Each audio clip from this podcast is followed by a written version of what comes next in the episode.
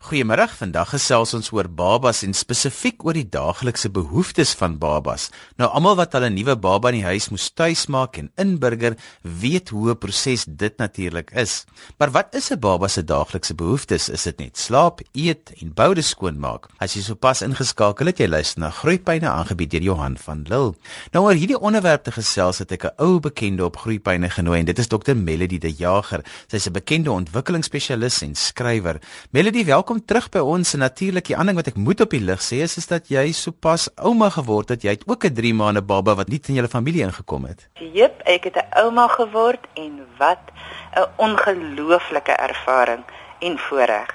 So ek praat met nuwe passie en absolute totale oorgawe oor die wonder van so 'n klein dingetjie vanmôre.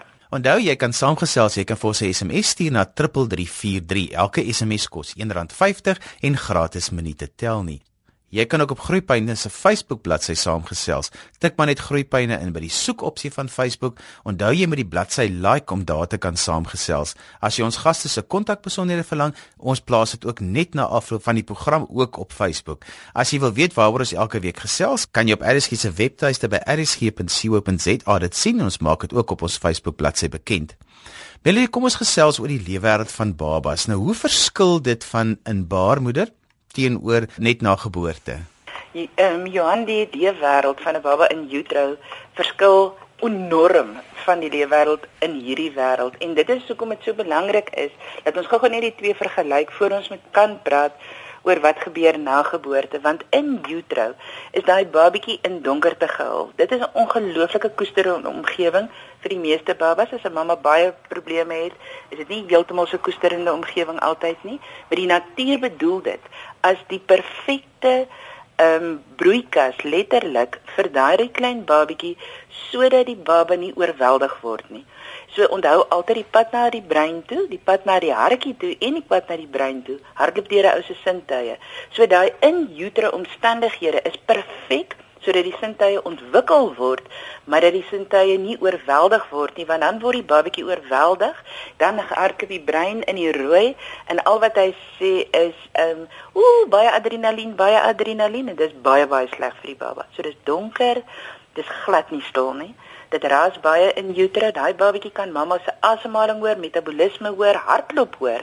So daar's enorme in utero stimulasie vir die baba, maar op 'n manier wat vir die baba koesterend is. Dis nooit te veel nie, dis nooit te min nie. En dit is hoekom mense versigtig moet wees met ekstra stimulasie wanneer 'n mamma swanger is in terme van die oorfoon op die maag en daai soort van goed. Dit dit is nie nodig nie dit is oorweldigend. Partykeer sê mense, "O, oh, maar die baba beweeg so fantasties as ek die oorfoon op my maag sit." Het ons al ooit daaraan gedink die babatjie probeer wegkom van daai klank af? Want dit is eintlik 'n bietjie te veel. So die in-utero omstandighede is baie koesterend. En ons moet daar leer wat moet ons met die babatjie doen na geboorte. Nou as 'n baba gebore word en hulle is in die hospitaal, is jy gelukkig is, party mense is weer gelukkig om die baba by die huis te hê. So daardie gedeelte gaan ons nou nie vandag oor praat nie, want ons gaan eintlik praat oor as ons nou die babatjie so dat ons begin nou met ons 'n gewone dag en ons wil praat tot wanneer 'n kind omtrent begin loop. So kom ons praat en ons gesels oor 'n baba se dag en wat gedoen moet word aan die een kant en wat 'n mens 'n bietjie meer kan doen, Melody. Die eerste ding is natuurlik die baba moet heel eers begin eet. Ag, dis die heel belangrikste, maar Johan, dit is een van die foutjies wat ons maak. O, genade praat, ek kan vir klein loetjies en ek haat dit. Dis die ouma wat deurkom. dit is nogal nee. Een van die foute wat ons maak is ons begin dadelik aan eet dink. En dit is hoekom daar toenemend babas is wat probleme het met voeding. Want as 'n stap voor eet. Ja, hulle moet eet om te oorleef, maar hulle moet eers ontspanne wees. Want die babatjie wat wat wat opgewerk is, die babatjie wat onveilig voel, die babatjie wat onseker voel, wat oorweldig voel met te veel lig, te veel geras, te veel reuke, te veel te veel mense, te veel beweging in die omgewing, blerrende televisie. Daai babatjie raak so angstig en wat gebeur as jy angstig raak? Asemhaling is kort, um, oppervlakkig, hartklop is verskriklik vinnig en wat gebeur as jy probeer eet? Daai babatjie stip, daai babatjie sluk winde en daai babatjie begin sukkel met al al allerlei voedingsprobleme. So die heel eerste stap met 'n nuwe babatjie is ontspan daai baba. En hoe ontspan 'n babatjie? 'n Mens maak seker dat die dat die ehm um, die omstandighede vir daai baba so na aan in utero omstandighede is as moontlik. So liewerster 'n bietjie donkerder, nie donker nie, gedempte lig, nie helder lig nie.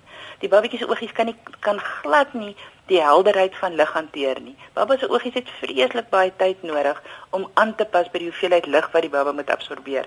Die klank hou dit rustig. Mamma se stem is belangrik. Mamma se aanraking is belangrik. Mamma se reuk sonder dat die ehm um, mamma klomp parfuum goed aan haar lyf het. Babatjie het nodig om vir mamma te ry. Onthou mamma ry binnekant en buitekant min of meer dieselfde. En daardie goed, mamma se reuk, mamma se aanraking, haar stem is primêr belangrik voor ons kan praat van voeding. So Johannes is 100% reg. Voeding is die eerste mylpaal na geboorte, maar ontspanning kom eerste. Is daar 'n manier dat as my baba nie ontspan nie, wat ek hulle ontspanne kan maak voor ek hulle voed? Die ding van onttrek jouself, kom weg by ander mense, sit weg daai foon. Maak seker die foon gaan nie lei nie, maak seker die foon is nêrens by jou nie sodat jy kan aandag gee aan jou baba. Want mamma's die belangrikste ding is jy moet jou baba leer lees. Ons lees baie op die internet, ons lees boeke, ons moet ons baba leer lees. En jou baba sê vir jou wat het hy nodig om te ontspan. Maar die eerste ding is leer by diere. Hulle onttrek om te voed. Ons moet presies dieselfde ding. So onttrek sonder jouself af en dis hoekom daai kombersie of die lappie of die dingetjie oor die kop. Dit is so belangrik want dit skep daai selfe koesterende ervaring vir die baba. Ek en my mamma is alleen in die hele wye wêreld. En dit help die hartjie om rustiger raak.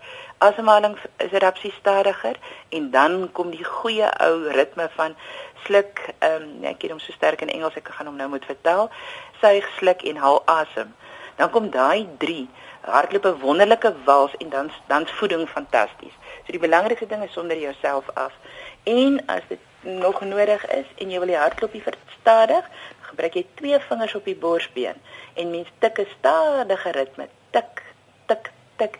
Jy weet mos 'n 'n wekker laat 'n klein diertjie rustig raak. Dis presies dieselfde beginsel. So jy maak 'n rustige tik met twee vingers, 'n rustige ritme op die borsbeen en dit werk so bietjie soos 'n pas aangeheer. Dit maak 'n hartjie ook 'n bietjie rustiger voor voor ons kan voed.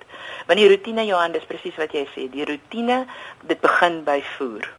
Melody, maar wat iets wat ek altyd sien en ek wonder daaroor is is dat baie mense verbind amper die babatjie soos 'n mummy. Hoekom is dit so? Is dit belangrik? Is dit reg? Is dit verkeerd? Wat is die riglyne rondom dit? kyk, nou dis eers gou weer terug in hardloop in utero. Wanneer daai baba deur die geboorteproses beweeg, die normale geboorteproses, dan is die of moet ek liewer sê die natuurlike geboorteproses, die kontraksies help die baba om veilig in sy lyfie te voel. Wanneer 'n babatjie op 'n ander manier gebore word, is die baba geneig om nie heeltemal so veilig in sy lyfie te voel nie en dan is die mummy toedraai 'n baie slim plan. 'n Baba wat reeds veilig voel, haat dit om sy toegedraai te word. Verstaan dis onnodig. Hulle het dit nie, hulle het nie daai diep druk nodig nie. Die die mummy toedraai gee vir die babatjie diep druk wat hulle rustiger maak. So 'n babatjie wat so bietjie onveilig voel, dit help om hulle soos 'n mummy toe te draai. Maar 'n babatjie wat reeds veilig voel in sy of haar lyfie, het dit nie nodig nie om die waarheid te sê. Dis oorstimulasie van daai baba en dan kerm hulle vreeslik as mense hulle so styf toedraai.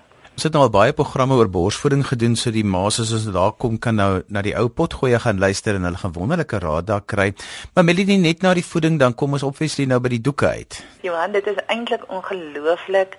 Ehm um, dit dit dit maak mens nederig voel as jy mens besef die mens as jy gaan kyk na embriologie en jy gaan kyk na die ontwikkeling van die mens. Ons ons begin as so 'n ou pypie met twee openinge, 'n bo een en 'n onder een en hulle bly vir alle ewigheid gekoppel aan mekaar. Die een is die in ingang en die ander een is die uitgang. So jy is 100% reg.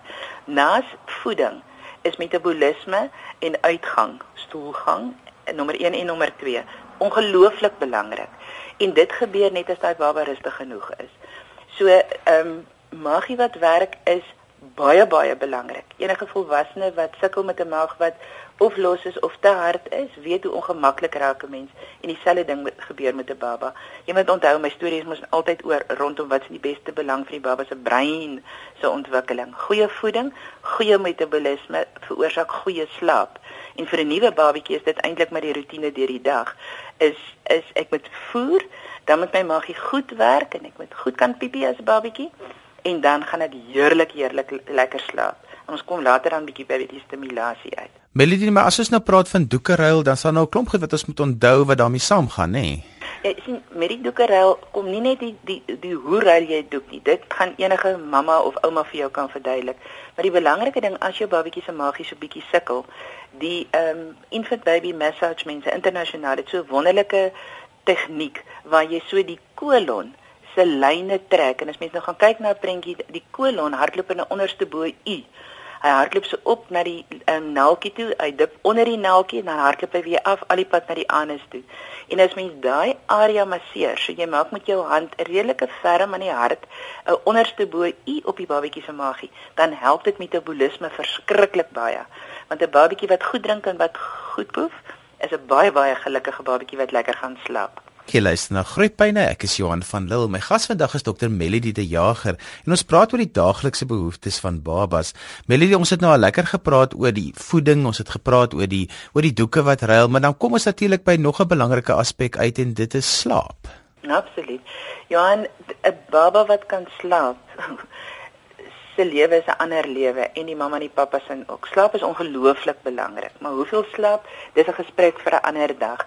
Maar die baba gaan nie ordentlik slaap, 'n klein babatjie moet ordentlik drink want dit is geweldige harde werk. Ons dink nie daaraan nie, maar daai babatjie is nie gewoond om te suig nie. Suig, kan onthou daar's 'n suig, soos wat jy op jou duim suig of 'n of 'n fopspeen suig of 'n ding soos dit en dan is daar soog wat 'n totale ander manier van suig is. Daai baba moet geweldig hard werk. So die babatjie se soog, se diep suig, maak hulle baie baie moeg en dit laat vir hulle lekker slaap. So 'n goeie voeding veroorsaak 'n goeie um, metabolisme en dit veroorsaak goeie slaap. Swak voeding voeder die hele ou spulletjie op, die hele rotine op, want dan sukkel hulle met met krampe en jy sukkel jy met vir die babatjie wind vir alle ewigheid, dan sukkel hulle met hulle doeke en hulle slaap is oppervlakkig want daar's te veel pyn. So goeie slaap begin by goeie voeding. Maar dan is daar die wakker tyd. Nou ek wat nou mal is oor babas, kan nie ophou kyk na hulle nie. Hulle is maar die mooiste goedjies as hulle wakker is. Wat doen 'n mens in wakker tyd met 'n so 'n jong baba? Kyk as dit 'n pasgebore baba is, dan begin hulle op mamma en pappa se bors, maar eers op mamma se bors, op hulle maagie, want dit is waar maagie tyd kom. Begin is op mamma se bors direk na geboorte, daai vel aan vel op vel kontak tussen mamma en baba is ongelooflik belangrik want nie net voel baba vir mamma nie, baba ruik vir mamma en jou voel, ruik en proe is die mees primêrste manier wat jy iemand ontspan. Dink 'n bietjie as mense as gesin of familie bymekaar kom, wat doen ons? Ons eet. Ons gee vir mekaar drukkies, o, jene die ou boere ding, ons soen mos, maar nou sit daar druk ons liewer en ons eet saam want aanraking, ehm um, eet, ruik en proe maak 'n mens se hart verskriklik vol en dis wat die nuwe babatjie nodig het. So die wakker word tyd begin op mamma se bors, as mamma terugleun of selfs plat lê, sodat babatjie naby mamma voel en dan wat gebeur? Baba begin kop optel. Want hulle is hulle is neskierig gebore. En die oomblik as daai babatjie sy kopie begin op, dan dan vat die kop weer plat, maar dis mos nou sag want dit is op jou dit is op jou bors. Mamma is mos gemaak om sag te wees van voor en soms ook van agter. Maar eintlik met die babatjie is die voor vreeslik belangrik. So as die as die babatjie so op mamma se maag lê, o, daai oefening om daai kop gelig te kry. Dis fantasties en dan daai gestoei om van van die maag af te rol, maar nou begin ons hier nou na 3 maande, 4 maande se kant toe gaan. So stimulasie begin met 'n nuwe babatjie as rustig wees saam met jou baba. Nie baie goeders doen nie. Lekker masseer help fantasties, maar magietyd vir die babatjie vir 'n nuwe babatjie is die beste stimulasie wat jy kan kry. So wag 'n bietjie met die mobile met die bewertjie, is mos die Afrikaanse woord vir 'n mobile. Wag 'n bietjie met daai goed want die oogies is nog nie so skerp ingestel nie. Jou oogkontak met die baba is die beste stimulasie wat daai babatjie kan kry.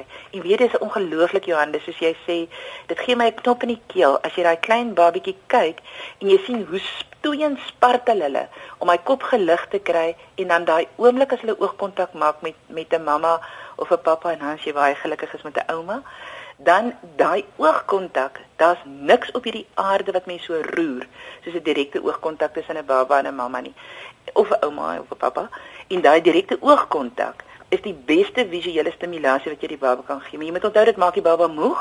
So wat gebeur? Die baba slaap daarna baie beter.